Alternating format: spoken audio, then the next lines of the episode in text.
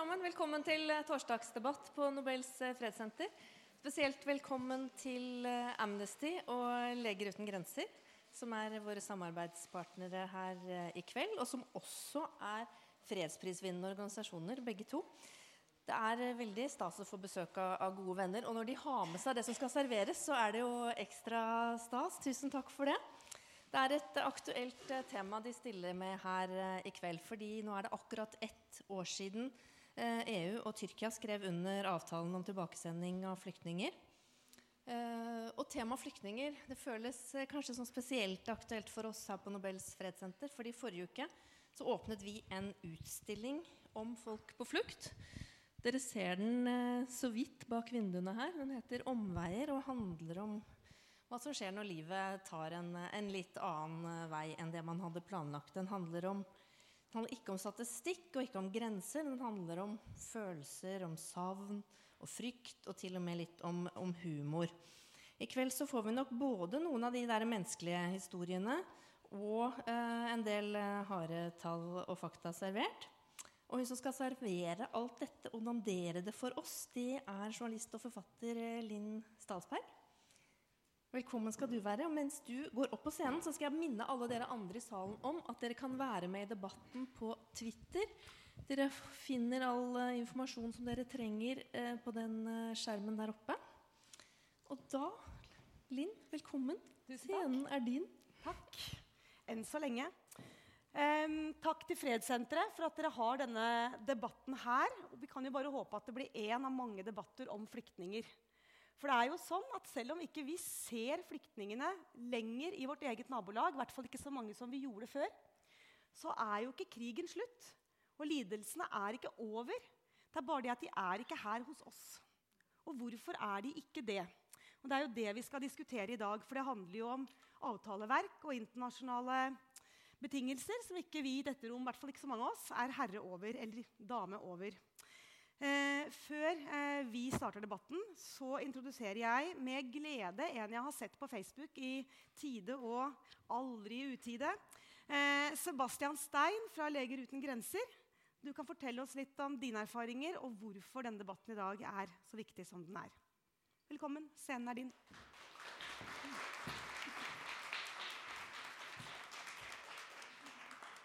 Takk for det, Linn, og tusen takk for at vi får lov til å være her på Fredssenteret. Um, jeg har tenkt å introdusere litt om EU-Tyrkia-avtalen. Men før jeg går rett på, på, den, så har jeg lyst til å snakke litt om det som hendte i går. Um, Europa ble vitne til en forferdelig hendelse. Uh, mange mennesker døde. Mange mennesker fra mange forskjellige steder i verden uh, var involvert i den hendelsen. og jeg er helt sikker på at denne hendelsen kommer til å resultere i en del diskusjon om, om policy mange ting som må endres uh, i europeisk uh, politikk. Um, og den er også knyttet opp til uh, fremmedfrykt og fremmedhat. nå tror dere at jeg snakker om London. Det gjør jeg ikke. I går druknet det mellom 200 og 300 mennesker utenfor Libya. og ingen her i salen vet om det. To gummibåter sank. To lik er blitt funnet av den spanske redningsorganisasjonen Proactiva. Ikke en jævla politiker har åpnet kjeften om dette. Det gjør meg forbanna, og det forteller meg at ikke alle menneskers liv er like mye verdt. Det er vårt ansvar å holde politikerne våre ansvarlige og stille dem det spørsmålet er alle menneskers liv like mye verdt. Og hvis dere mener det, hva gjør dere for å besørge at det menneskeverdet opprettholdes. I 2016, 18. mars, så inngikk Tyrkia og EU en erklæring, eh, EU-Tyrkia-erklæringen, som eh, basically eh, var en måte å, for EU å stoppe flyktninger fra å krysse fra Tyrkia over Egeerhavet, en ganske farlig rute, og komme til Europa. og det var en byttehandel. En vaskeekte hestehandel med menneskeliv. Penger, visummuligheter og forhandlinger om EU-medlemskap. Det mest dyrebare EU har overfor Tyrkia. ble byttet mot at Tyrkia skulle eh, ta imot alle flyktningene som eh, da ble, skulle bli sendt tilbake fra Hellas. Um, vi har en liten video for å forklare litt mer av detaljene. When Europe was desperate to help refugees, let me show you. In September 2015, European leaders not only decided to open the Balkan Road, but also decided to relocate 120,000 people from the so called frontline states of Greece, Italy, and Hungary to elsewhere within the European Union. 120,000 people is roughly equal to the population of Recklinghausen in Germany.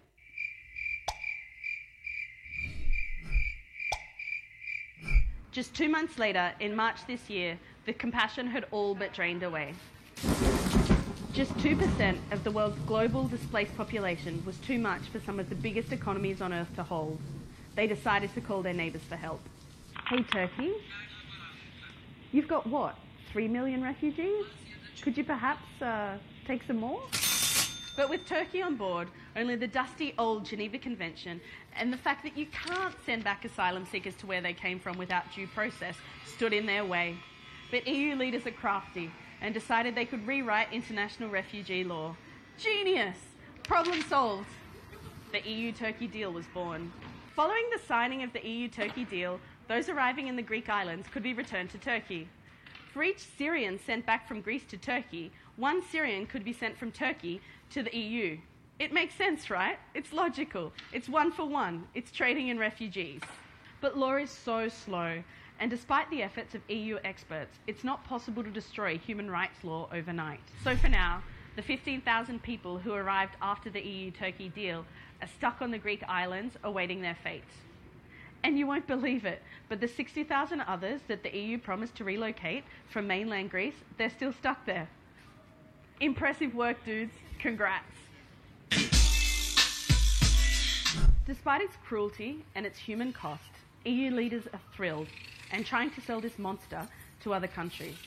If they declare a country as safe, it is safe, and there is no unsafe country in the entire world.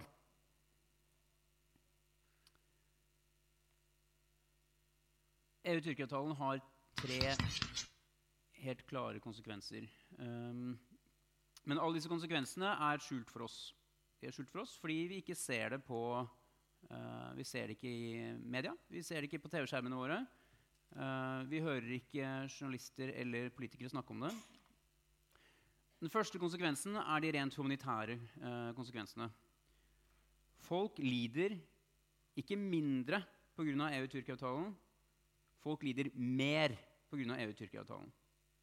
Og det var helt klart at det er mer lidelse i verden pga. denne avtalen. Det er ikke mindre lidelse i verden. Det er færre som har krysset Egerhavet, men det er flere som har dødd på Middelhavet, til tross for at 800 000 færre mennesker har krysset eh, Middelhavet.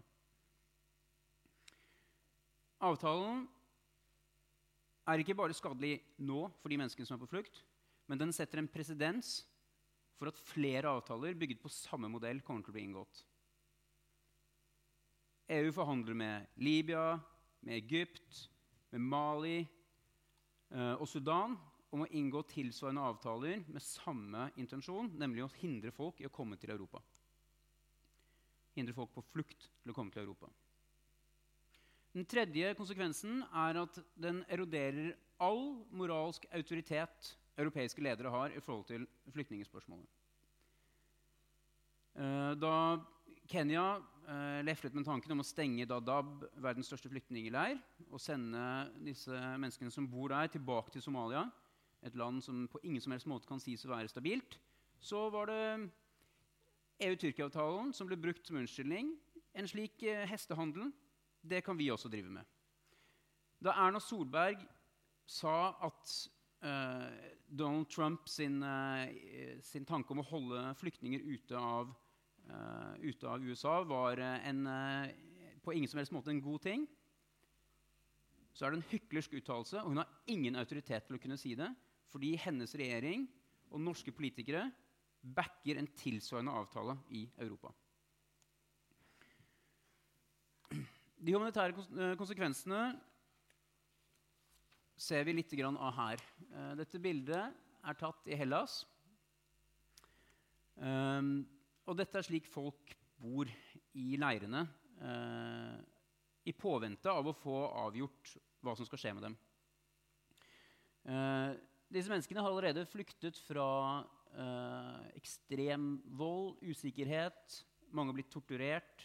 De har blitt misbrukt av smuglerne på veien. Eh, og det er, det er, folk som ikke har det bra i det hele tatt. Eh, og deres mentalhelse blir forverret for hver eneste dag som de går, sitter der og lever i, uh, i, uvisshet. Og med en følelse av sitt eget menneskeverd som er lik null. Jeg tror ikke noen av oss hadde klart å leve under de omstendighetene der i særlig lang tid uten å føle oss som, et, som at vi var mindre verdt enn andre mennesker. Uh, og dette resulterer faktisk i at det er flere og flere selvmordsforsøk i disse leirene. Uh, folk får angst, de utvikler posttraumatisk stressyndrom. Uh, og dette er ting som skjer på vår vakt. Eh, fem mennesker døde i Moria-leiren. De frøs i hjel. Hvis noen fryser i hjel i Norge, hva skjer da? Medieoppslag, katastrofe. Dette godtar vi ikke. Men i Moria ikke noe stress. I Serbia så er tusenvis av mennesker fanget, i, også de i limbo, fordi Balkanruten er stengt.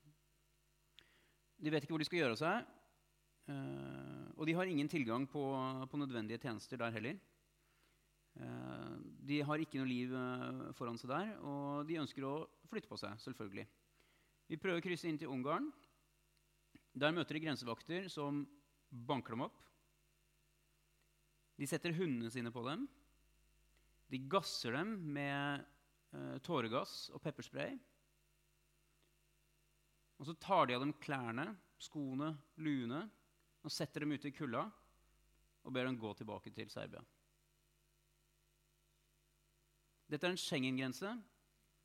Dette er en norsk grense. Norske politikere har ansvaret for hva som skjer på våre grenser. I Tyrkia så bor det allerede ca. 3 millioner uh, syriske flyktninger. Uh, det er det landet i verden som har flest flyktninger. Uh, og det er altså det landet som EU-Tyrkia-avtalen har sørget for at skal fortsette å ha flest flyktninger Eh, i verden. Eh, helt uproporsjonalt i forhold til eh, de 80 millioner menneskene som bor der. Det Tyrkia har gjort som et resultat, er å bygge en enorm mur langs grensen til Syria. Og Amnesty og Human Rights Watch har dokumentert at tyrkiske grensevakter har skutt og drept flyktninger på vei ut fra Syria inn i Tyrkia. På flukt fra krig blir de møtt med et våpen. Dette er de reelle konsekvensene av den avtalen som Børge Brende trykket eh, først, andre visepresident eh, Timmerman i hånden med et fett glis på Twitter og sa 'veldig bra avtale'. Gratulerer.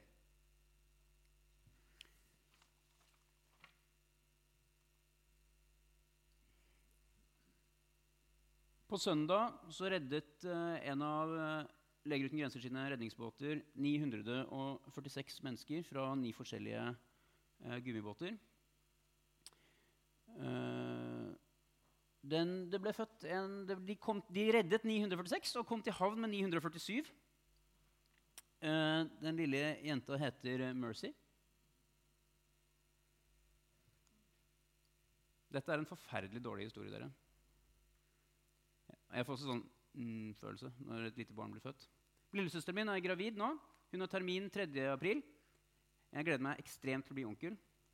Men jeg blir jævlig forbanna når jeg tenker på at det kunne vært lillesøsteren min som var presset i en så sinnssykt desperat situasjon at hun hadde valgt å sette seg på en gummibåt og ha en ca. 1 i 50 sjanse for å drukne, og at hun må føde under flukten sin på Middelhavet etter å ha blitt mishandlet på det groveste av menneskesmuglerne. Dette er ikke en god historie. Mercy er et resultat av en helt feilslått grensepolitikk og et forkastelig menneskesyn.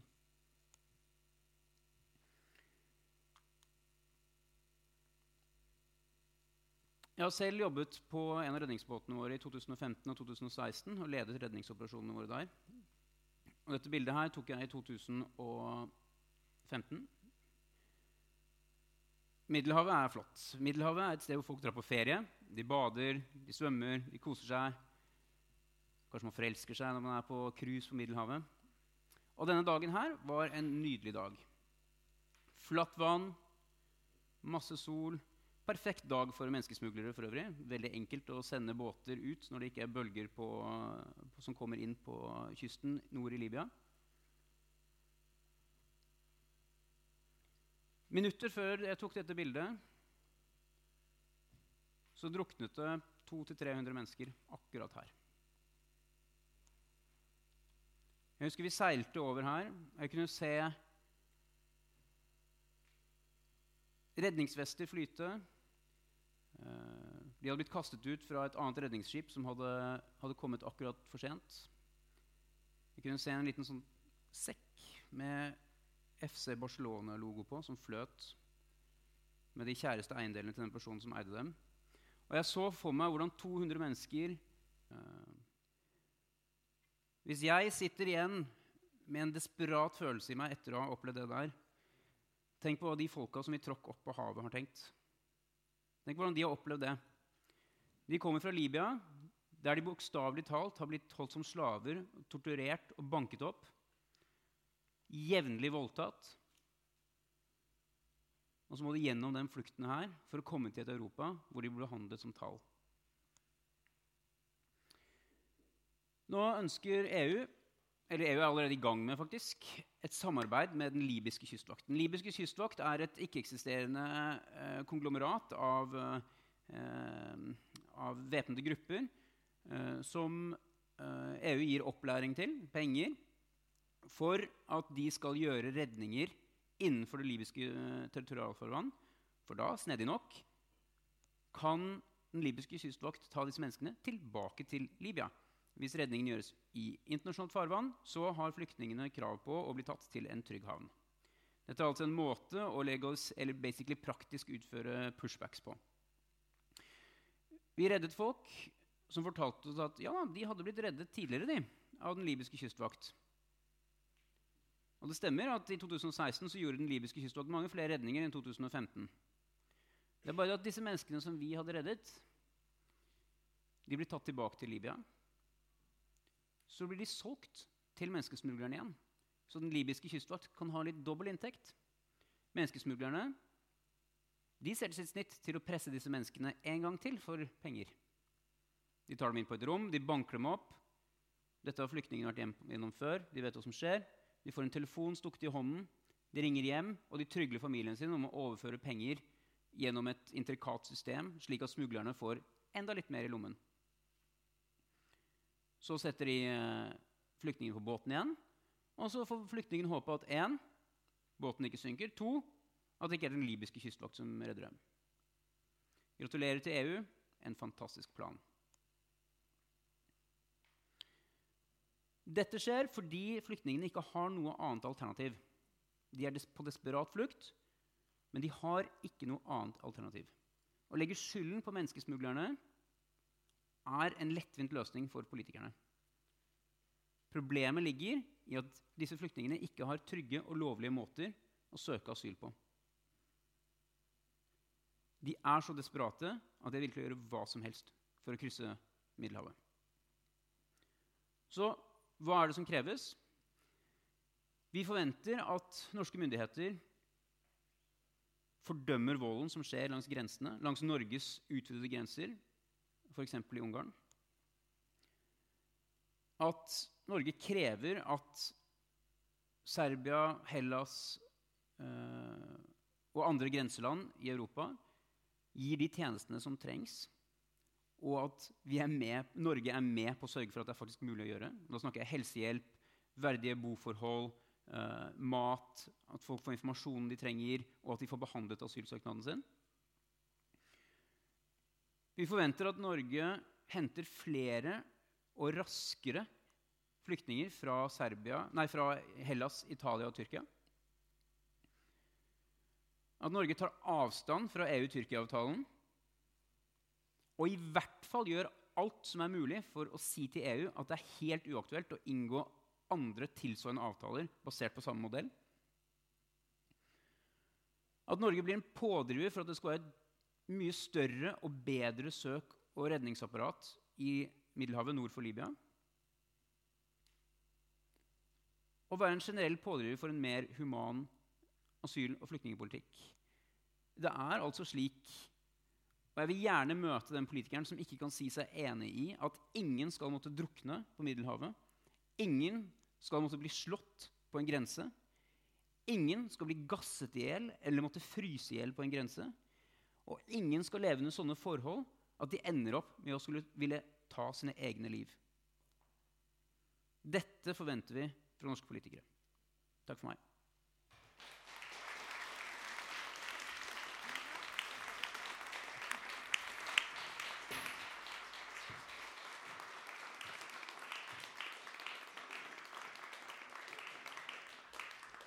Tusen takk, Sebastian Stein. Jeg klarer nesten ikke å stå på beina. Det er helt overveldende.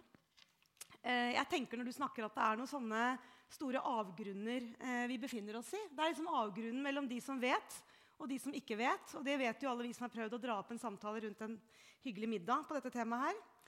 Og så er det en av, avgrunn mellom den lidelsen vi ser, og vår egen komfort, som kanskje gir oss en sånn moderne indre uro, og, og ikke, ikke den type fred heller. Og så er det også en avgrunn mellom folk flest, Refugees Welcome og de initiativene, og politikere som man kanskje ikke føler gjør nok. Um, og i avgrunner så er det jo som kjent ganske mørkt. Så spørs det da om vi klarer å karre oss opp i løpet av denne kvelden her. Nå skal vi løse problemet, dere. Så Da ønsker jeg politikerne velkommen opp. Ola Elvestuen, nestleder i Venstre. Nå har det ikke kommet noen, eh, ingen takket ja fra regjeringspartiene. Så det nærmeste vi kommer statsmakten, er deg. Eh, støttepartiet til, til eh, Høyre og Frp. Og dermed det kan jo bli byrde eller glede, alt ettersom. Eh, neste politiker, Stein Erik Lauvås, innvandringspolitisk talsperson Arbeiderpartiet. Eh, på spøk kan jeg si at du er kveldens mystiske mann. Eh, det som ikke er så morsomt med det, er at eh, mange av oss sliter med å skjønne hva Arbeiderpartiet egentlig står for i denne saken. Kanskje vi får en åpenbaring i kveld. Neste kvinne, Karin Andersen, innvandringspolitisk talsperson Sosialistisk Venstreparti. Nylig ferdig med landsmøtet. Kanskje kommer det noe nytt derfra i denne saken i kveld. Dere var jo på en måte Venstre i den forrige regjeringen. Slags frivillig gissel. Og fra Amnesty, Beate Ekeløve Slydal, vær så god, politisk rådgiver. Og du representerer jo da også sant, en slags annen, en fjerde avgrunn her, den mellom de sivile organisasjonene i Europa og politikerne, som stadig sklir fra hverandre i spørsmålet om flyktninger og den krisa det er. Um, nå skal dere alle få muligheten til en kort tominutters intro. Jeg har klokke, så det kommer jeg til å være litt streng på. Tida flyr. Jeg vil først bare si en liten anekdote. Da jeg fødte mitt første barn eh, for mange år siden, en iskald natt på sykehuset, på Ullevål sykehus, så var det overfylt på sykehuset. Jeg fikk ikke noe sted å sove. Jeg sto i gangen med babyen min. Så kommer sykepleierne, klapper meg på skulderen og sier Uff, så synd. Vi syns så synd på deg. Dette må være veldig vanskelig. Og jeg blir sintere og sintere. Vet du hva? Jeg er ikke en liten jente. Det er ikke synd på meg. Jeg vil ha en seng. Det er det vi har. ha. Jeg vil ha, Gi meg en seng, ikke en klapp på skulderen. Og det utgangspunktet kan vi ha nå òg. Jeg tror ingen på scenen syns at det du har fortalt, er vanskelig å vise sympati overfor, eller å synes er grusomt. Men hvem er det som vil gi dem den senga? Og være konkrete i forhold til hva vi kan gjøre for å bidra. Eh, så det lille spørsmålet kan dere svare på. Altså, hva er Norges selvstendige ansvar i møte med det vi har sett i dag? Elvestuen nesten makt. Du kan begynne. Ja, ja, støttepartiet liker jeg. Maktposisjon liker jeg å, å, være i. Og det er ikke noe tvil om at Situasjonen som du er i, er jo, er jo helt grusom og for veldig mange folk. Eh, og er det klart at Vi som Norge, hva er det vi skal gjøre? Vi må gjøre mer av det vi jo faktisk gjør, som er å, å gi støtte i særlig Midtøsten-området omkring det som er den internasjonale innsatsen som er der. Det må vi være en del av. Vi må som en konsekvens av at det nå også er færre asylsøkere som kommer, det er betydelig færre på grunn av den situasjonen som er her, så er det klart at det er helt riktig at du da må gjøre den andre delen, som er å ta imot flere kvoteflyktninger, sånn at det også er en reell mulighet, også anses for å være en reell mulighet for å, for å eh, komme til eh, en tryggere havn. Der har vi jo faktisk økt i denne stortingsperioden, men det er klart at de 8000 som enigheten er omkring, blir lite når man sammenligner det med de, den voldsomme nedgangen i asylsøkere. Det er klart at det er rom for å gjøre mer innafor det. Og så må vi, vi, må være en del av den europeiske dugnaden. Det gjelder når man endelig da får, får eh, bevegelse i den, jo, den, fordelingen som man skal ha, både i forhold til de som er i Italia og også i Hellas. Det er vi jo også. Men antallet så i Sammenlignet med andre land i Europa så, jo, så gjør jo Norge det man, får, det man, får, beskjed om. Men det er klart det er vel en 1500 eller noe sånt nå, og det er klart det er lite antall i den, i den store eh, sammenhengen. Og så er det jo dette Jeg tror én ting er den, den, Det er og må være uakseptabelt at folk, eh, å se på at folk drukner. Og det må man på en måte eh, Der må du ha den innsatsen inn, inn mot, uh, inn mot uh, Libya. Det er noe med at Når personer er i havsnød, så må du, må du stille opp med de mulighetene eh, som er der. jeg tror Inn mot Hellas er det altfor lite EU-midler som går inn for å avhjelpe situasjonen. Jeg tror jeg heller ikke grekerne er veldig gode til å bruke de pengene de får, til å prioritere på de flyktningene som kommer. Eh, og så er det klart at vi må, vi, vi, må, vi må, også jobbe inn mot land som Serbia. Så tror jeg heller ikke det er bare å gi midler. Jeg tror det er like mye en motstand blant, i den serbiske regjeringen for i det hele tatt å gjøre noen ting. Fordi vil, Man vil ikke at det skal være noen der.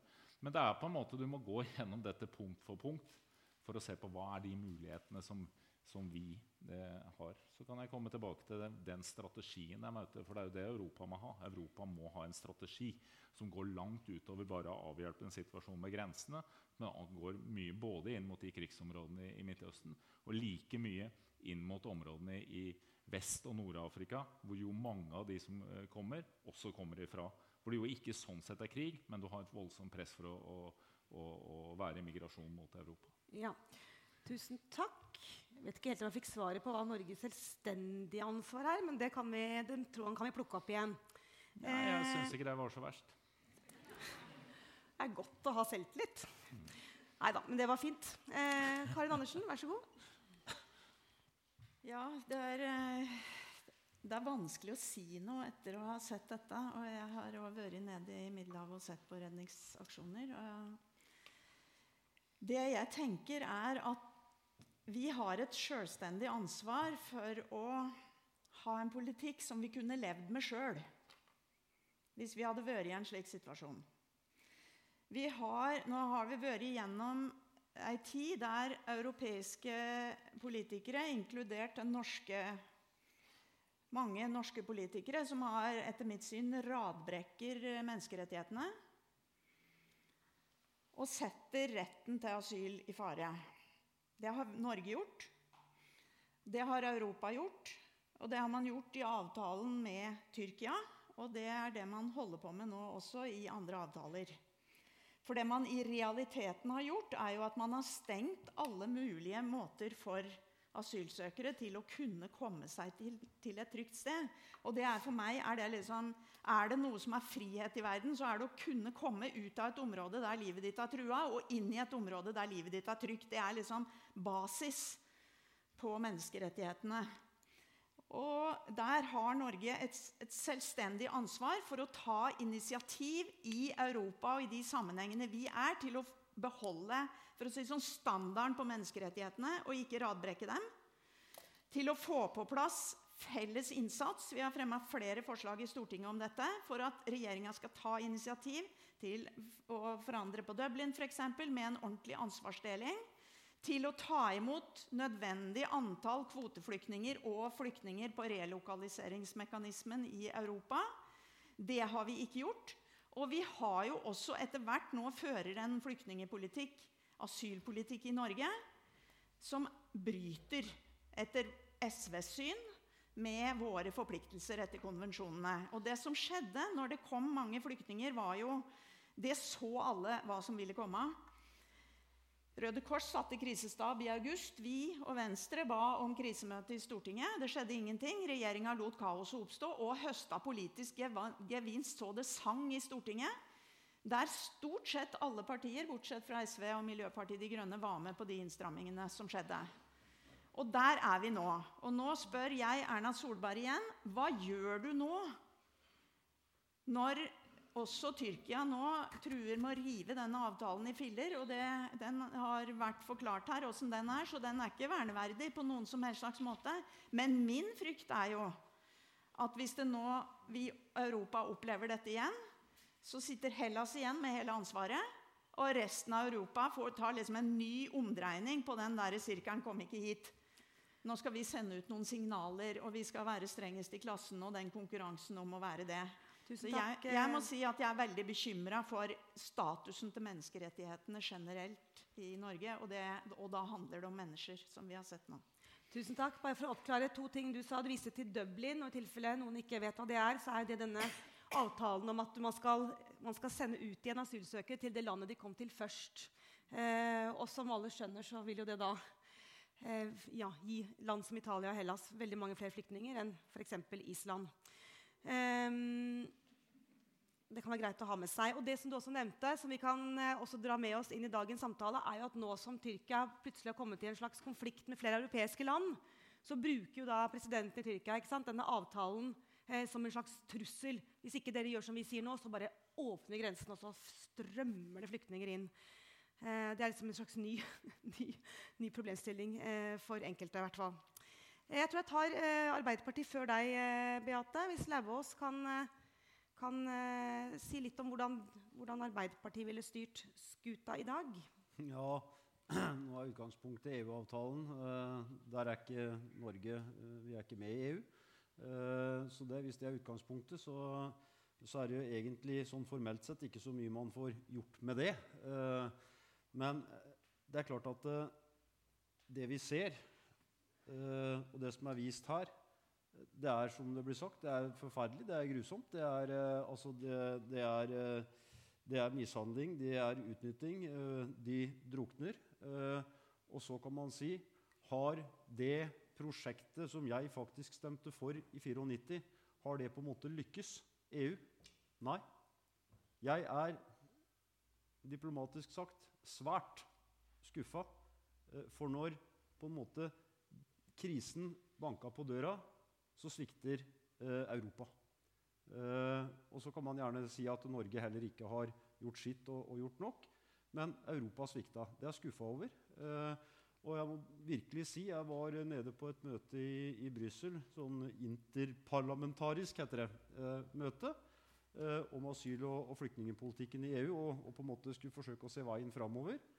Og sitter i salen der, og så hører du enkelte EU-land som har lagt stor kraft i å få være med i EU. For de så alle fordelene med sikkerhetspolitikken. De så alle fordelene med en del EU-bidrag på jordbruk og en del andre ting. De ønsket seg meget sterkt inn. De feiret med raketter og, og full fest i flere dager. Nå er det de landa som står først og sier nei til å eh, bl.a. være med på et felles relokaliseringsprogram. Det er en skandale. De burde vært kastet rett ut av EU. Tvert. Ja, det, ja, det kan klappe for det. Ja, det mener jeg. Når jeg sitter og hører på parlamentarikerne fra de landa i, i, i, i, diskusjonen de hadde da nede i Brussel Det er helt ille. Det er helt ille. Uh, og, og, derfor så mener jeg der har, har, har EU uh, eh, svikta. Uh, jeg tror at vi klarer ikke altså, Vi klarer ikke vi, skal, vi, vi, vi, må, vi, må, ønske det, som det heter, og vi må uh, både ville det og, og allting. Men Norge vi klarer ikke å løse denne flyktningkrisa aleine. Jeg tror bare helt, bare, bare helt ærlig sagt, Det går ikke. Får vi ikke en bærekraftig europeisk løsning så vil ikke dette fungere, for vi klarer det ikke. Altså, Selv Sverige, ikke sant, som har vært et av de landene eh, etter krigen ja, dette må jeg få lov å si, eh, som har vært et av de landene etter krigen som har på en måte hatt kanskje den mest åpne døra. Selv Sverige måtte strekke våpen og si at dette går ikke, vi kneler. Ikke De måtte stenge grensene sine. Så det er åpenbart for meg at Norge, fem millioner mennesker her oppe Ja, vi er søkkrike. Det kan vi på en måte gjøre noe med. Eh, men vi klarer ikke å løse dette aleine. Det må vi ikke tro. Da, da, forviller vi oss ut i et eller annet som ikke, som ikke bærer frukt. Altså. Vi er nødt til å finne en, en felles europeisk løsning. Og så har jeg bare lyst til å si helt til slutt Eh, jeg fikk ikke, tror jeg, jeg kan ikke ta på rams alle de utfordringene som Leger uten grenser ga oss til hvilke krav vi måtte stille. Men jeg tror jammen jeg kan slutte med at det, ja, jeg tror, jeg tror jeg nesten jeg tør å si alle sammen. Godt er det. Um, nå skal vi ikke ha en EU-debatt at Arbeiderpartiet begynner å bli skuffet over EU. Enkelte. Det, det kan vi jo ta en annen gang. Eh, Beate Ekeløve Slydal, du er jo fra organisasjonene som eh, har vært delvis oppgitt over politikerne. Eh, hvordan, eh, hvordan, hva tenker du om Norges selvstendige rolle, og, og er, den, er, ansvaret tatt?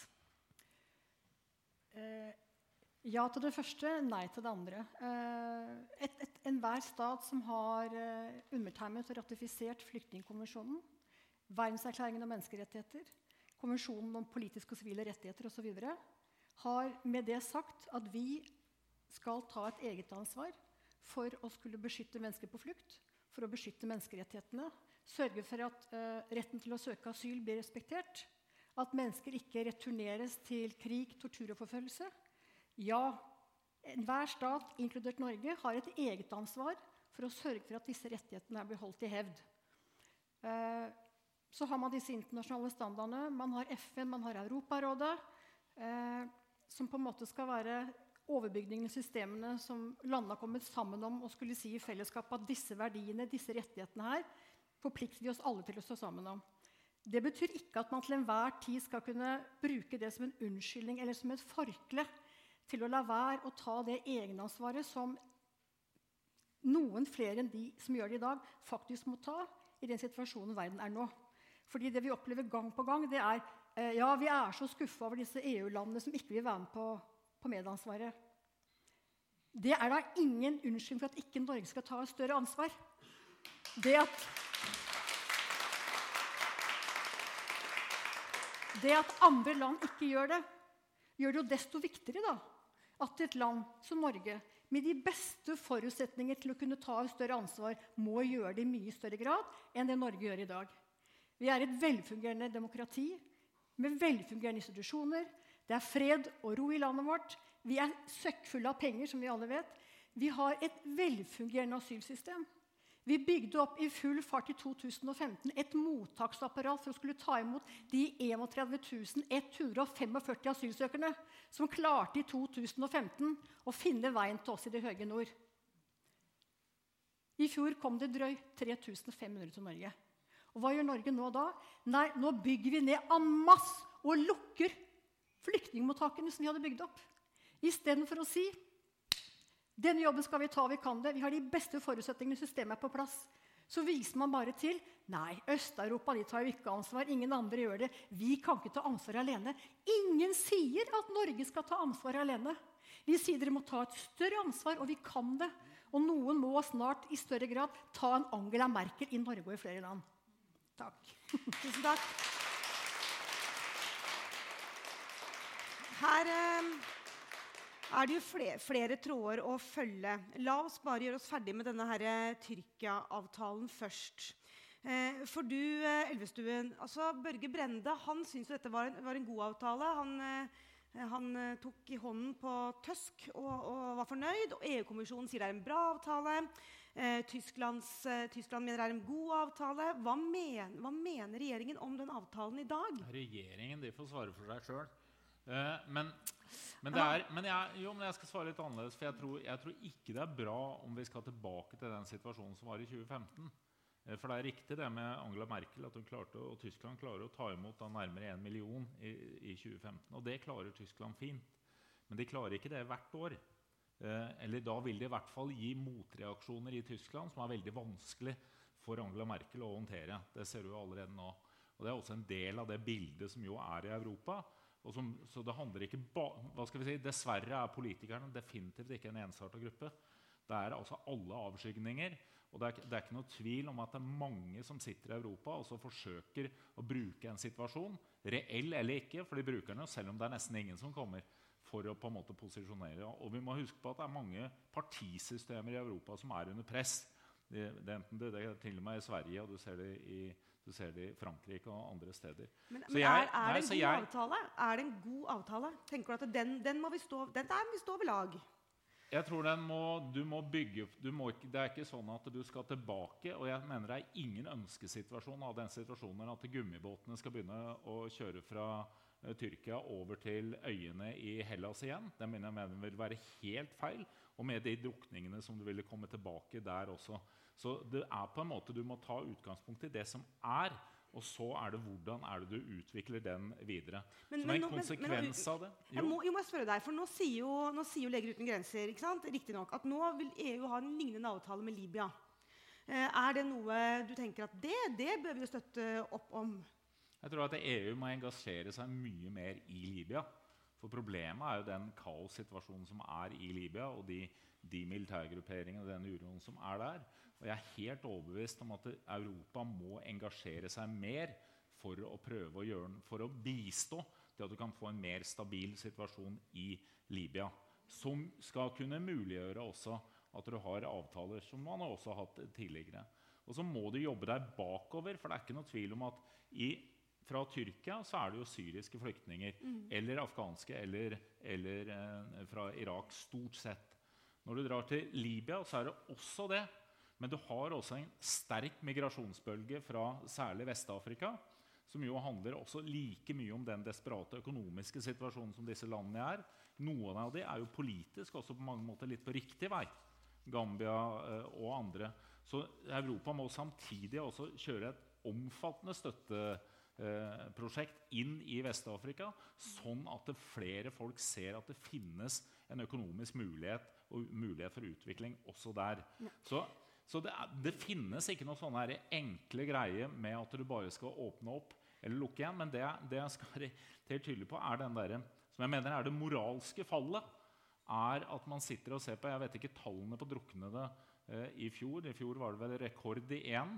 Eh, og det, ja, så det er helt enorme tall. Og den, den fallitten er på en måte at den situasjonen nærmest aksepteres innenfor et større hele. Og det kan man ikke gjøre. Du er nødt til å komme tilbake med, med, en innsats for å redde folk i havsnød, nesten uansett på et helt annet nivå enn det du er, har i dag. Så det, ja, er, men, avhengig, nei, det, er. Avhengig, det er avhengig av hva du klarer å få til, også de som er i, i Libya.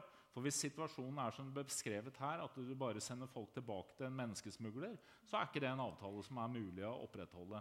Men hvis det er mulig eh, Det er ikke noe ideal at folk skal sendes ut i gummibåter ut fra Libya for at de skal reddes der ute så, så enkelt som mulig. Så om det er mulig å komme til avtaler som bremser på det, så er det en fordel. Men det kommer helt an på innholdet. Men uh, Lauvås fra Arbeiderpartiet Eh, hvis dere vinner eh, valget til høsten, f.eks., eh, vil dere da utfordre disse, denne type avtaler, altså som nå finnes med Tyrkia, som finnes med Libya? Vil dere finne liksom helt andre modeller for å løse dette komplekset som Elvestuen skisserer her? Ja, det må vi gjerne gjøre. Bare vi må bare ikke miste av syne at det, Norge vi har ingen formell status i den avtalen. For det er en avtale gjort mellom EU og Tyrkia. Men det er våre yttergrenser? Ja, det er de jo, samme er yttergrensene? Ja, ja, ja, ja, ja, bare sånn at vi ikke mister av syne. fordi det er noen begrensninger i hva på en måte uh, Børge Brende kan gå inn og kreve. Uh, I forhold til at det er en avtale som EU gjorde med Tyrkia. Så kan man mene mye uh, om, om den. Og det er vel kanskje det er vel kanskje der vi må legge enda større trykk eh, og sørge for at vi får avtaler hvor faktisk menneskerettigheter kan etterfølges. Eh, for det er, et, det er, jo en utfordring, det er jo ingen tvil om, eh, som flere har vært, eh, vært, inne på. Og at vi skal ta et større ansvar internasjonalt for å legge trykk på det. Ja, selvfølgelig bør vi gjøre det. Det er jo ingen tvil om. Men vi klarer ikke, vi klarer ikke aleine å løse dette. Jeg tror vi på en måte må det hadde vært fint hvis vi kunne innsett det i fellesskap. At vi er avhengig av å få med oss flere. Vi er avhengig av et felles Europa. Ja, Kanskje med unntak av noen stater som absolutt da ikke vil. Eh, men altså de andre fornuftige statene i Europa de, de, må komme sammen. Det må finnes felles løsninger. Vi klarer det ikke alene. Ja, men, men, jeg tror at jeg, tror bare, jeg må bare få lov å si, det er sånne argumenter man gjerne hører. Tror dere kan redde alle, og vi klarer det ikke alene. Og sånn. Og det gjelder jo i livet ellers for oss alle sammen også. I samme hvilken jobb vi har, hva vi holder på med. Ingen klarer alt alene. Men vi må gjøre vårt aller beste. Ja. Eh, og da spørsmålet i denne debatten i dag gjør vi det. Eh, og så er det selvfølgelig liksom tvil under det spørsmålet. Det er litt retorisk. ikke sant? Eh, men nå vet jeg Beate først, og så Karin. Uh, ja, nei, Norge er ikke medlem av EU. Men det er ingen tvil om at uh, norske politikere og den norske regjeringen er svært komfortabel med at ståa er som den er akkurat nå, med avtalen EU har med Tyrkia, med at grensen er stengt hele veien uh, nordover, som igjen bidrar til at veldig, veldig få klarer å finne veien hit. Ingen store protester blant norske politikere mot det. lager ikke veldig mye bråk omkring det forhold at man har basert avtalen og Det er ikke engang en avtale. Vi er ikke sikre på hva det er for noe. er ikke egentlig ut om det faktisk er en avtale engang. Den er jo basert på et falsum. Den baserer seg på at Tyrkia er et trygt tredjeland. Istedenfor å virkelig ta til motmæle Norge har en enorm troverdighet, i hvert fall så langt, ute som den som står for menneskerettigheter på den internasjonale arena. Ikke ett eneste sted ute eller hjemme har regjeringen eller ikke så veldig mange norske politikere heller, tatt veldig hardt til orde og kritisert de falsumpremissene som denne avtalen er basert på. Tyrkia er et trygt tredjeland. Det er det ikke.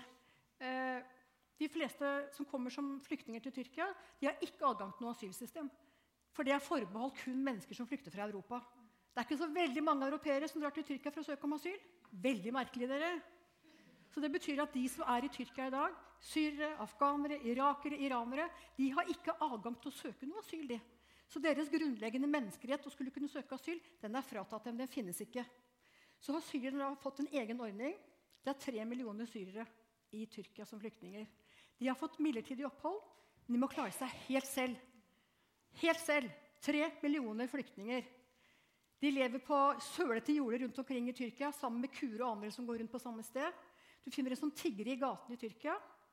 De utnyttes grovt av bolighaier, av arbeidsgivere i Tyrkia. En masse er de totalt prisgitt, de menneskene som er rundt dem i Tyrkia, og som utnytter dem. Mm. I tillegg så ser vi at de, Tyrkia sender altså tyrker, nei, syrere, afghanere, irakere tilbake igjen det de har flyktet ifra. Med andre ord, Tyrkia bryter en masse de forpliktelsene de selv har tilsluttet seg i henhold til internasjonale menneskerettighetsstandarder. Alt dette lukker EU øynene for, inkludert egentlig Norge. Ikke ett sted står Norge opp internasjonalt og sier dette går ikke an. Vi syns det er helt ok, for det kommer nesten ingen hit nå. Og det er det viktigste. Vi vil pokker ikke ha dem hit. Ja, de får bli der de er. Nå er det SV.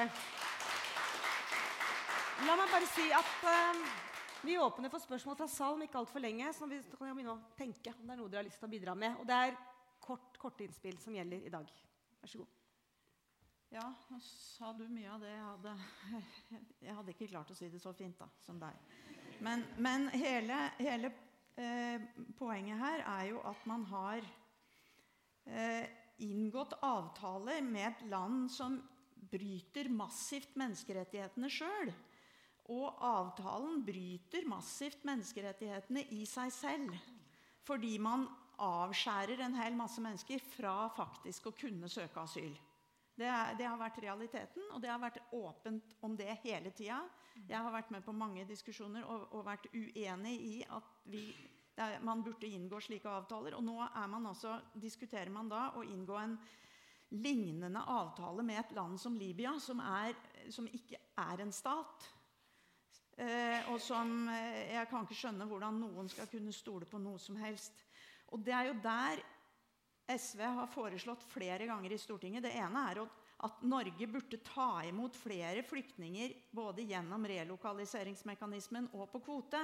Fordi hvordan skal Vi sier det, vi kan ikke ta imot alle. Men i jøsse navn sier jeg da, hva er det de har gjort i Libanon, i Tyrkia, i Jordan, i alle disse landene som har mange flere enn oss? Så tenker vi at de skal greie det. De knekker jo.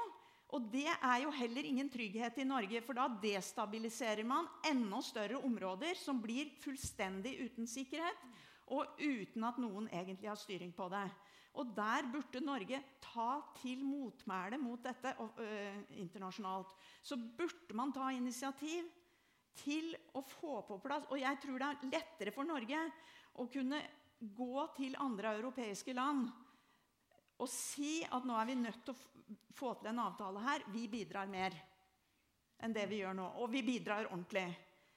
Fordi, ja, fordi det, er, det er altså ikke mulig nå, med den politiske situasjonen vi ser nå i Europa, å tenke at man får til det hvis man ikke nå strekker seg ganske langt fra Norges side. Det kan til og med tenkes at vi hadde fått med Sverige på det. Mm. Jeg ser ikke bort fra det at vi kunne ha fått til det for å prøve å løse noe av dette. Fordi det er, og så er det, Jeg må bare få si dette til slutt, dette med å definere land som trygt. Det skjer jo en masse nå. Også i Norge for å legitimere norsk returpolitikk. Ja. Russland, Afghanistan, Somalia defineres nå som trygt. Og så har da Stortinget satt en strek over det som var at man ikke skulle sende folk tilbake til internflukt hvis det ikke var urimelig. Og det betyr jo at man nå massivt sender tilbake. Og Det betyr også at Stortinget trodde, stortingsflertallet trodde at de klarte å stoppe regjeringas endringer og innstramminger for de enslige mindreårige asylsøkerne, men det gjorde man ikke. Når man var med på den endringen, så åpna man ballet. Og man er jo nå i stand til å definere hva som helst som trygt. Man gjør det i Norge, man gjør det i Europa. Og når jeg spør regjeringen kan du vise meg den rapporten der det står at det er trygt, så svarer de gå inn på landinfo.no og let selv. Og det holder bare ikke. For det, må altså være kvalitetssikra, det vi gjør. Og når FN sier at når vi sender disse unge gutta tilbake igjen til Kabul nå til internflukt, så står Taliban og krigsherrene der og rekrutterer dem, for de har ikke noe annet å leve av. Okay, og da vi... mener jeg liksom, Det sier litt om hva, det, hvor, hva, slags situasjon vi også er i i Norge nå. Vi gjør dette fordi de skal ikke komme hit heller. Det er det som dominerer alt vi gjør nå. Det er jo kanskje den samme kortsiktigheten i flyktningpolitikk som i miljøpolitikk. At man ikke kan, orker å forestille seg hva, som skjer med disse på sikt. De som returneres, og de som sitter fast i leire på sjette og syvende året osv. Eh, nå får du eh, et slags innspill her, Elvestuen, og så er det spørsmål fra sal etter det. Nei, jeg tror du må, du må jobbe i hele spekteret. Du må jobbe fra der, der hva skal vi si, de verste overgrepene skjer, også i Afghanistan. Jeg mener Norge må ha tålmodighet og også bidra til en stabilitet i Afghanistan. Det må de gjøre i Somalia. Du må ha den tålmodigheten. Og du må gjøre det sammen med resten av Europa på en helt annen styrke enn det som det er i dag. For det er, og samme i Midtøsten. Det er jo en krigssituasjon som er fullstendig uakseptabel. Pågått lenge. Og du må på en måte beholde de samme idealene om en demokratisk utvikling også der som i resten av verden. Det er ingen løsning å gå tilbake til de gamle diktatorene. Dette er liksom det langsiktige arbeidet. Og, de, vi, og det er tross alt riktig. Der du, der du, berører flest, er jo med den støtten du gir, enten det er Libanon, eller Jordan eller, eller eh, Tyrkia. Den må vi fortsette med. Men den enkleste måten vi kan bidra her, sånn det er nå, er selvfølgelig å gjøre det at vi øker antallet kvoteflyktninger.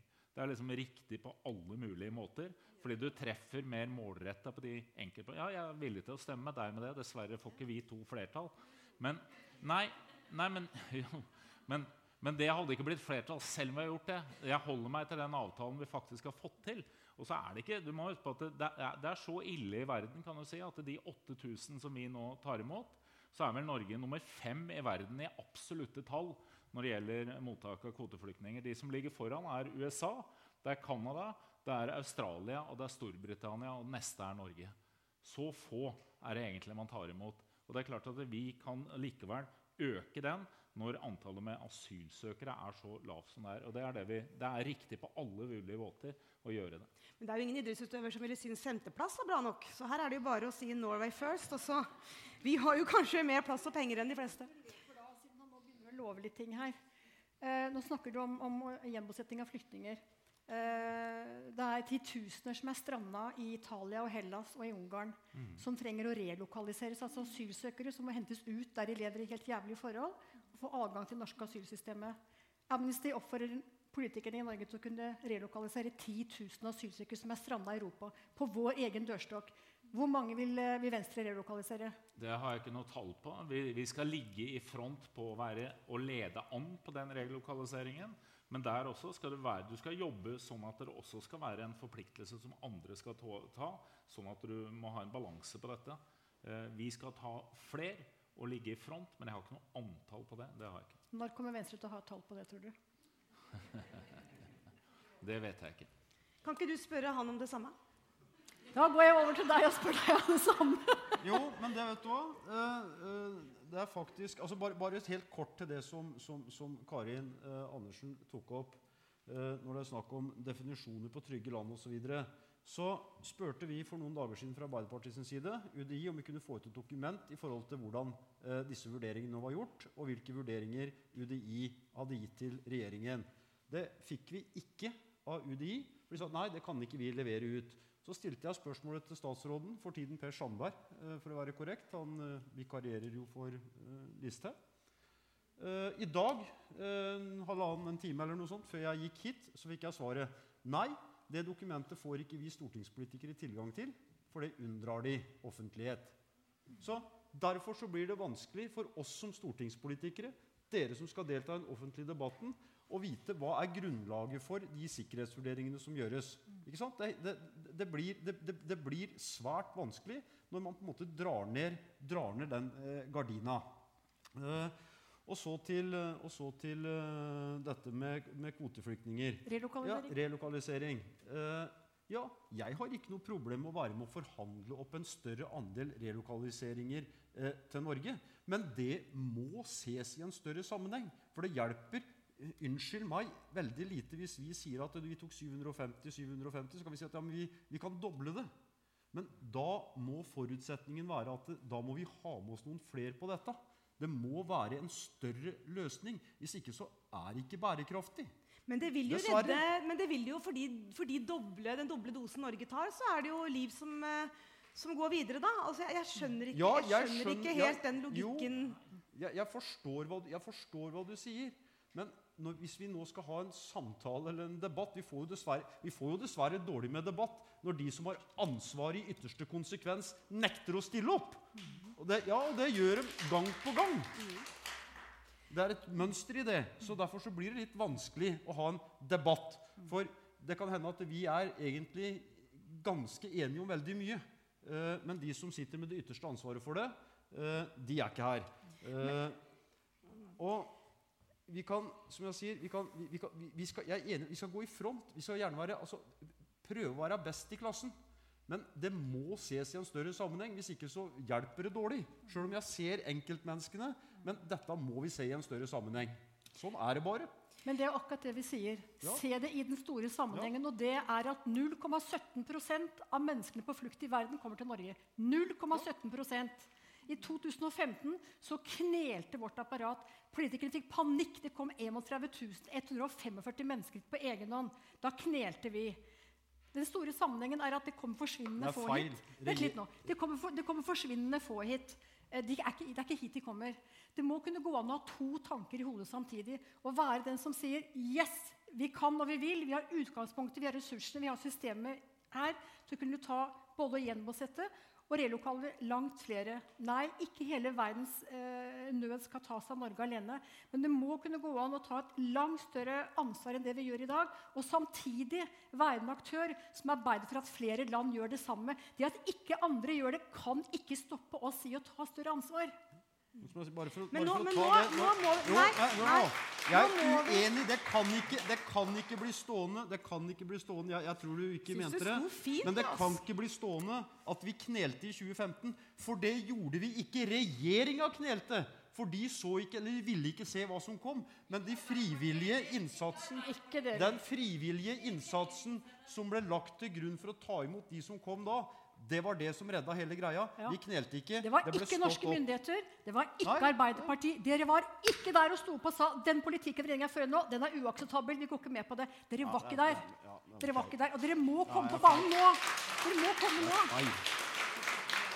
feil. Nei, det er det ikke. Vi hadde mange møter med dere, og dere var ikke med oss. Den lar vi henge i lufta, fordi alle vi som eh, var på Tøyen og serverte mat, vi veit hvem som var der. Eh, og det, noen av dem sitter i salen her i dag og holder på enda. Eh, nå har jeg invitert salen inn, og det må vi stå ved. Vi har fire som har tegna seg. Dere må alle være korte. Det er en mikrofon eh, et sted der. Så da begynner vi med deg bakerst med, med briller. Si hva du heter, er du snill. Og hvis du har spørsmål til én spesiell, så er det fint. Hei, jeg heter Finn Våge. Kommer helt fra Stavanger, så jeg har frimodighet til å komme fram her. jeg er leder av noe som heter Eritrea-komiteen i Norge. En liten komité som jobber for eh, informasjon om eritreere. Eh, vet dere at den største asylsøkergruppen til Norge i fjor var eritreere? Den største asylsøkergruppen i år, foreløpig i hvert fall januar-februar, eritreere. Eritreerne er i en spesiell situasjon og har det tøft i Libya i dag. Fordi de er ikke returnerbare. Jeg syns det er litt ansvarsforskrivelse fra Stortinget. For eh, Erna Storhaug, eh, Børge Brende eh, var på Malta for en måned siden. Eh, da ble eh, Malta-erklæringen skreven. Og eh, min utfordring går til stortingsrepresentantene. Jeg har undersøkt litt på Frontex. Norge har gitt 30 millioner. Og Norge og Sveits er med i den eh, givertjenesten som går på å kjøpe inn kystbåter, tror jeg. Det er vanskelig å få verifisert dette. Men eh, eh, jeg støtter Amnesty helt ut, og jeg syns det skal bli obligatorisk lesning for alle politikerne. Det Leger uten grenser har skrevet i den rapporten. Folk lider nå i dag i, i, eh, i Tyrkia, selvfølgelig, men i Libya, som vi får høre her altså, er, altså eh, Dere vet eh, denne, denne Malta-avtalen som eh, Listhaug og, og hele gjengen applauderer, går ut på å stanse verdens største flyktningstrøm. Nå er han stanset i ja. Sender de i flyktningleirer. Det står punkt 7. Returnerer de til hjemland. Og for Eritrea sin del betyr det fengsel. Altså er, De sier ja, flott, nå redder vi dem på havet. Så glemmer de, så lukker de øynene. Så jeg vil oppfordre Vi kommer akkurat fra et møte med UD nå i dag, der den personen som er i eh, samtaler med eh, diktatorens Altså eh, diktatorens høyre hånd. Ja. Jeg er forbanna på at det der skjer så lite i Stortinget, og at dere begynner å krangle om småting. Altså, Dere må lære dere hva som skjer, og få et inntrykk. Dere har masse eh, maktmidler. Her i Oslo er det eh, mange organisasjoner og kirker som kjemper for diktatoren. Det er 50 organisasjoner i Norge som kjemper for diktatoren. Det er 15 kirker. Hva gjør politikerne med den saken der? Hvorfor bruker dere ikke de midlene og den makten dere har? Vi skal følge dette opp. Vet du hva? Nå gjør vi det sånn at eh, dere får et avslutningsinnlegg hver og en. Tida flyr nå. Og så må, skal jeg sørge for at du får svar fra en av dere. i hvert fall. Uh, neste spørsmål ut, det er uh, deg. Bare si hva du heter før du snakker. Mm, Ja, jeg heter Gunnar, og jeg kommer bare fra Abildsø, så jeg blir stående her. Ehm, jeg kommer fra Helsingforskomiteen. Um, det er utrolig viktig tror jeg, å skjønne ehm, den politiske utviklinga som har ført oss dit vi er i dag. Vi snakker ofte om å ta en Merkel, men det Merkel ikke makta, det var å få de øst- og sentraleuropeiske landene med på å ta en ny Merkel i de landene. Eh, Så det skjønner jeg at Arbeiderpartiet har et poeng der. Eh, Det var de landene som vant den politiske diskusjonen om hvordan eh, Europa skulle fikse dette med flyktningene. Og da dro Merkel til eh, Ankara og gjorde en deal med Erdogan. Så eh, avtalen er jo mye Merkels verk. Det hun forsøkte på, det slo ikke gjennom i Europa. Og Det var to grunner til det. Det var at Øst- og Sentral-Europa ikke ville, og at Nord- og Vest-Europa var totalt politisk passiv. Og Det er det som vi må snu på, tenker jeg. Um, det handler faktisk om å sette dagsorden på nytt i forhold til disse flyktningene. Når du sier at vi ikke er med i EU, så er jo ikke det helt sant. Vi betaler ufattelig mange milliarder til de landene i Europa som ødela eh, forsøkene på å lage en decent, en fornuftig flyktningpolitikk. Det gir oss masse innflytelse. Bruk den. Det er jo mulig at det blir regjeringsskifte både i Norge og i Tyskland. Sosialdemokratiske partier må nå vise at de kan eh, eh, endre Europa. Tusen takk. Jeg noterer meg. Det var et spørsmål inni der. Eh, neste, det er deg. Mikrofonen her. Nei, du, eh, du, du er nummer fire i køen. eh, og så ja, er det deg etterpå. Takk skal du ha. Jeg heter Evy Ellingvåg fra Foreningen av 12. jeg vil litt sånn først uh, oppfordre de politikerne som står her oppe, til å ikke tenke om seg sjøl som maktesløse uh, overfor regjeringen. Dere er i Stortinget. Det er ikke så verst bare det. Så vil jeg ta dette her med Tyrkia som det trygge tredjelandet. Det står hele Stortinget bak. Altså Flertallet i Stortinget står bak at Tyrkia er et trygt tredjeland. At dette er en avtale som, som vi som også land forholder oss til. Eh, så går jeg inn og ser litt på tall, og så hører jeg bekymringen om alle disse fra Sub-Sahara som skal komme veltende inn eh, og ta Europa med makt, nærmest. Eh, nå er det sånn at de tre første månedene så kom det to fra Algerie, ni fra Angola, én fra Burundi, tre fra Kongo, én fra Gambia, to fra Guinea, én fra Jemen. Bare sånn at vi har tallene på stell der. Til sammenligning så kom det i januar, februar og mars. I januar kom det 23 fra Tyrkia. 29 i februar. Og, tre, og 52 Nei, til sammen 52 i januar-februar. Beklager. Eh, sånn at, eh, og vi vet at en del av de har rett på beskyttelse. Altså, det er helt riktig at de får beskyttelse. Men de får altså beskyttelse fra vårt trygge tredjeland, som vi nå er i eh, forhandlinger med eh, om hvorvidt denne avtalen skal forlenges. Og om vi skal inngå en tilsvarende avtale med et Libya som er om mulig under enda større oppløsning. Og jeg lurer på med hvilken legitimitet gjør vi det? Mm. Tusen takk. Der fikk vi et konkret spørsmål. Og så er det siste spørsmål Hei. Hei, jeg heter Erik Provan. Jeg er her som privatperson. Representerer ingen andre enn meg selv. Gjør det enkelt. Eh, først vil jeg også takke politikerne som er kommet, for det er sikkert ikke så hyggelig bare å komme og bli kjeftet på. Eh, og så vil jeg også si at politikerne her har et ansvar, men det har også befolkningen. For det er vi som stemmer på politikere som enten er for eller mot flyktninger. Vi som befolkning har et ansvar. Politikerne representerer oss, og det er veldig lett å kjefte politikere. Og det er til tider fortjener dem. Men det gjør vi også, befolkningen i Europa. Og det er veldig lett å glemme når vi er på et sånt sted som dette. Og sist så jeg støttet Arbeiderpartiet, og det vil jeg gjøre igjen. Men jeg tenker òg at jeg savner en klar politikk som sier ja, dette er vi for, uten å være redd for å ta det ansvaret. Og det kom i 2015 31 000 og et eller annet. Så kom det 3000. Da er det 27 000, 80 000 plasser som står ledige. Vi kan ikke redde hele verden, men vi kunne tatt inn 27 000. Og for 27 000 så betyr det alt. Tusen takk. Det kunne vært de bevingede siste ord, for de var fine. Men dere, nå går vi en siste runde i panelet her. Vi er jo allerede litt på overtid. Eh, merkelig nok. Det er jo et tema som da ikke lot seg løse på 35 minutter. Eh, nå, ja, eh, Du Sebastian, også kanskje har lyst til å ha et siste ord her. Det skal du få. Vi kjører på med, med to minutter til hver som vanlig. Det som må, noen av dere må nevne, er den eritreiske situasjonen i Libya. Eh, dette er politisk skapt krise, kanskje. Er dere bare maktesløse? Hvor er legitimiteten? til Tyrkia-avtalen? Og eh, hva med dette tallet? Arbeiderpartiet, det var siste spørsmål var til dere.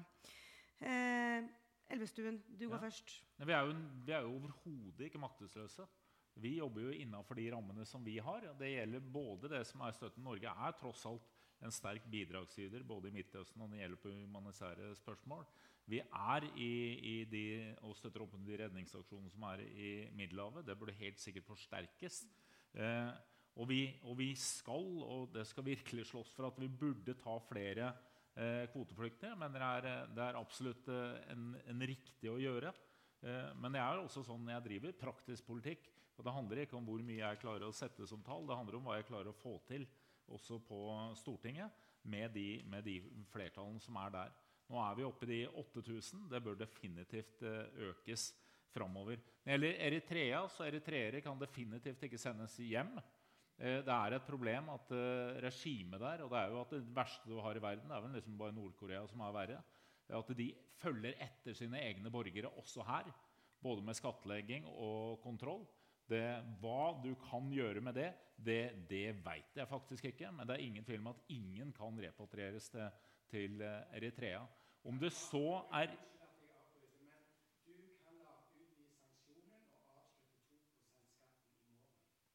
Hva sier du at hvis Du kan utvide norsk sanksjon mot Eritrea og avslutte 2 i morgen. Er det Dette, mulig, så skal jeg definitivt uh, se på det. Dette blir veldig interessant. Dere får ta en kaffe eller noe sånt uh, senere. Ja? ja, og om det er mulig, om det er mulig Det var jo spørsmålet om Libya. Jeg mener igjen det er helt uakseptabelt over tid virkelig å ha det Libya som vi har i dag, med på en måte den ustabiliteten som er der. For dette kommer jo ikke til å ta slutt før du får en situasjon som er mer stabil og mer demokratisk i Libya. Om det da er mulig å ha eh, flyktningleirer som også omfattes eh, eritreere, det vet, jeg ikke, det vet jeg ikke. Det tror jeg er umulig å si. Men, men, dersom det er mulig, så er jo neste steget at eritreere også må omfattes av de kvoteflyktningsystemene som vi har, så man ikke fanges i de leirene i, liksom i, i inntil du kan bli kvitt det regimet som er i, i Eritrea. Som jo må til slutt. Eh, da må vi bare gå videre. Eh, det høres ut som det er mulighet for en ny debatt på denne scenen om litt. Eh, Karin Andersen. Mm.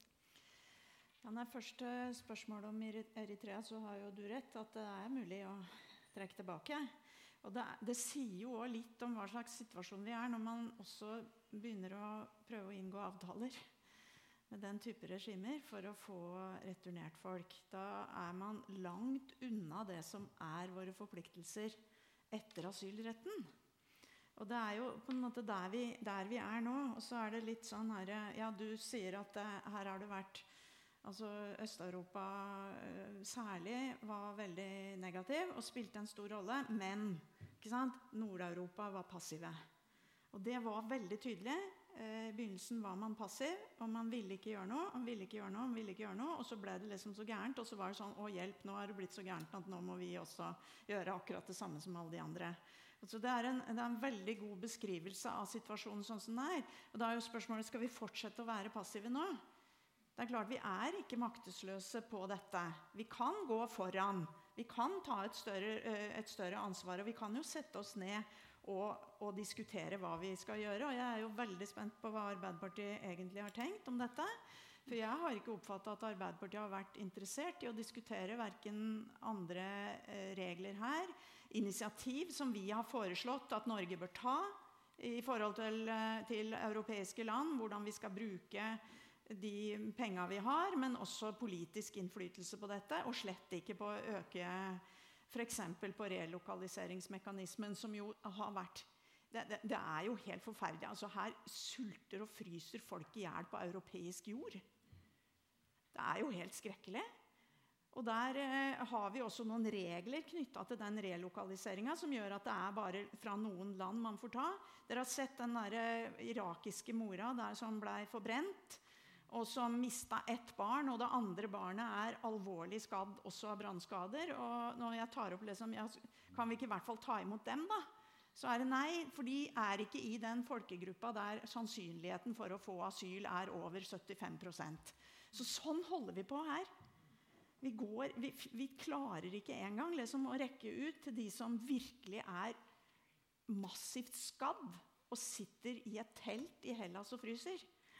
Så her må, vi, her må vi både finansiere det, og vi må ta imot flere på den relokaliseringsmekanismen. Og det kommer ikke til å redde hele verden, men det kommer til å redde noen.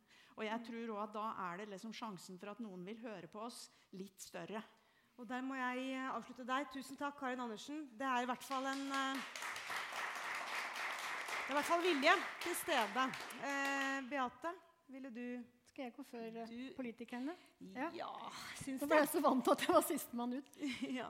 Um, det er et utsagn som sier at uh, politikere tenker i fireårsperspektiv. Statsledere tenker i generasjoner. Uh, og jeg står ved min ros til Angela Erkel. Hun er og var en statsleder. Til tross for alt motbør og utføring hun møtte hjemme, så våget hun å si dette skal vi klare. Nei, hun lykkes ikke med å få med seg alle østeuropeiske land. Og det skyldes ikke henne. Eh, men jeg vil si en ting jeg har lyst til å ta opp, som er bekymret oss veldig da vi fant ut at vi hadde lest riktig. Eh, det er ikke lett å få noe parti til å skulle si i partiprogrammet sitt at topp fire-saker i vårt partiprogram er flyktning- og asylpolitikk. Du finner ikke et eneste partiprogram. Eh, hm? Ja, det, jo, men penger, Jeg sier ikke at ikke det er forskjell partiene i Norge i hvordan dere står frem, og hva dere vil liksom målbære når dere utfordres, og hva dere syns er viktig. Men det er ingen tvil om at eh, for oss velgere som setter oss ned og leser partiprogrammet deres, og ser at uh, ingen av partiene i dag i sitt partiprogram som skal gå til valg på nå på stortingsvalget, har flyktning- og asylpolitikk blant sine topp fire-saker. Det er et veldig viktig signal dere gir til våre som velgere. Og så kan man snakke om, Det er ingen tvil om at vi som velgere har et stort ansvar. Noen ganger vi oppfører oss som kveg. Ingen tvil om Det ikke sant? Det er lov å tenke en tanke sjøl og våge å utfordre politikerne våre. Og det må vi gjøre i mye større grad. Så mener jeg at som folkevalgt og politiker hvor du har valgt å stille til valg for å lede ditt eget land og være den som skal målbære verdiene vårt land skal stå for, har et enda større ansvar enn meg som velger for å våge å være den som sier verden brenner, vi er nødt til å gjøre mer enn vi gjør. Jeg håper dere gjør mer av det i valgkampen. Og det som bekymrer meg utrolig, er Jeg forventer ikke så mye fra Frp. Eh, Senterpartiet er så som så.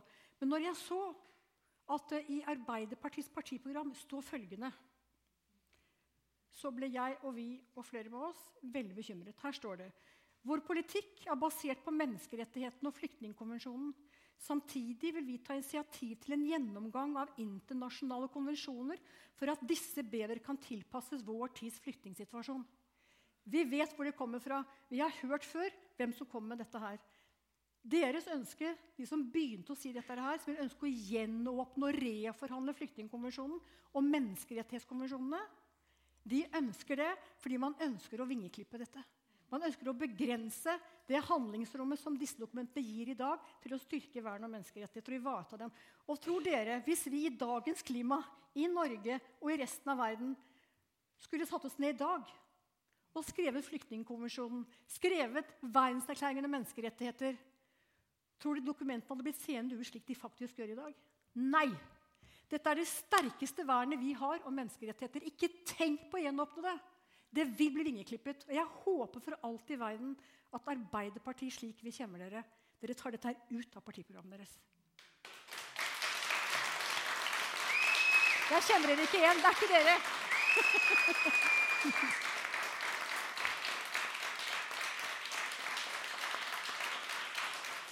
Ja.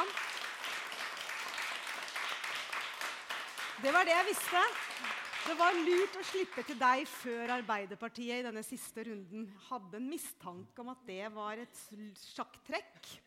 Så ble du nå i sjakkmatt der borte, Lauvås? Eller kan vi, kan vi bli enige om en slags remis? Hvordan er det på enden der? Ja, ikke engang det. For hvis det i hele tatt skal endres noe, så er jo meningen at da må det i så fall endres til det bedre. For jeg tror vi kanskje kan enes om at det fungerer ikke perfekt i dag heller. Ikke sant? Så du må ikke lese dette som en viss mann leser en del andre skrifttegn. Det blir feil. Så vi står fjellstøtt Vi står fjellstøtt på det som utgangspunktet. Dere må ikke tvile et øyeblikk på det. Så kort til de som var spørsmålsrundene her. Har vi vært fraværende i EU-debatten? Nå venter jeg å bli ferdig. Ja, jeg skjønner at du er utålmodig. Ja, men I forhold til spørsmålet jeg oppfattet om at eh, Man mente at eh, vi som eh, altså Nord-Europa ble det sagt, at vi som Norge skulle gått sterkere inn i EU. Brukt mer av kreftene våre på å snakke med EU i forhold til disse avtalene. Bør vi legge mye mer krefter i det? Mitt svar er ubetinga ja. Bør vi bruke EØS-midler? Vi betaler betydelige summer ut til en rekke land i Europa. Bør vi stille enda sterkere krav til på en måte, ja, hva som skal til for tatt få de midlene, og hvordan de i så fall bør brukes? Ja, uten tvil. Det bør vi absolutt gjøre. Og bør vi på en måte fortsette å sørge for at Norge skal være en stor og tung bidragsyter ut i verden på, på disse spørsmålene, humanitært, på helse, på eh, utdanning, på å være med og, bygge opp og stabilisere stater. For vi må jo ikke glemme årsaken. Ikke sant? Årsaken som ligger, Vi kjenner jo virkningen, for den har vi diskutert nå ganske lenge. Men årsaken Skal vi gjøre alt det i mye sterkere grad enn det vi ser at dagens regjering kanskje har gjort de siste tre og et halvt årene? Et ubetinga ja. Og skal vi stå fjellstøtt på menneskerettighetene, konvensjonene? Ja. Tusen takk. Nå er det vel nettopp det hvorvidt disse menneskerettighetene da krasjer med denne avtalen vi begynte å snakke om vi skulle diskutere i dag. Så jeg er litt usikker på om vi har gått i sirkel. Eh, nå kom det ikke noe svar her på akkurat dette med Tyrkia og legitimiteten rundt eh, trygge tredjeland. Men jeg tenker at politikere her og andre vet at det, det, er folk som kommer til å holde dere ansvarlige eh, for en reforhandling av den avtalen, og som vet ganske mye om hva som, hva som eh, foregår i, i Tyrkia. Eh, jeg vet at du ville ha et siste ord også. Sebastian Stein, rekker vi det? Vi rekker det. Kort. Kjempefint. Kom opp her. Uh, jeg har lyst til å si tusen takk til, uh, til, dere politikere som faktisk stilte opp på det her. Fordi uh, det er ikke noe lett å stå i en menighet som vi tross alt nå har, kan virke er, og må svare på disse spørsmålene. og tusen takk for at dere gjør det, og tusen takk for at dere at dere tør det. Uh, det gir meg håp. Uh, men jeg har lyst til å gi dere en oppfordring på veien. Um, og jeg hører i hvert fall noen av dere snakke om praktiske løsninger, realpolitikk. og jeg hører dere bruke personlige pronomene 'vi' vil ikke ende opp i den samme situasjonen som i 2015. Og det personlige pronomenet 'vi' er ikke flyktningene. Det er europeerne. Og, øh, og, det tenker jeg at når vi sier realpolitikk Den reelle situasjonen er at folk dør, drukner, blir voldtatt, slått, mishandlet. Det er det hardeste som fins i menneskeheten i dag. Det er ikke med litt uh, fleip nå, det er ikke papirpushing på Stortinget som er realiteten her i verden. Det er menneskelig lidelse som er realiteten. Så Ta den reelle innstillingen som dere ønsker å ha, men overfør den og gjør det som politikk burde handle om, og som har vært mye snakk om i ordskiftet i det siste, om verdier. Og verdien er menneskeverdet. Så takk for at dere stiller opp. Ta det videre. Um, ta det ut til å handle om menneskeverd. Uh, og så kan jeg bare fortelle at i dag har ingen båter forlatt uh, Libya. Uh, det har vært litt dårlig vær. så la oss håpe at ingen drukner på Middelhavet i morgen. Takk for oss.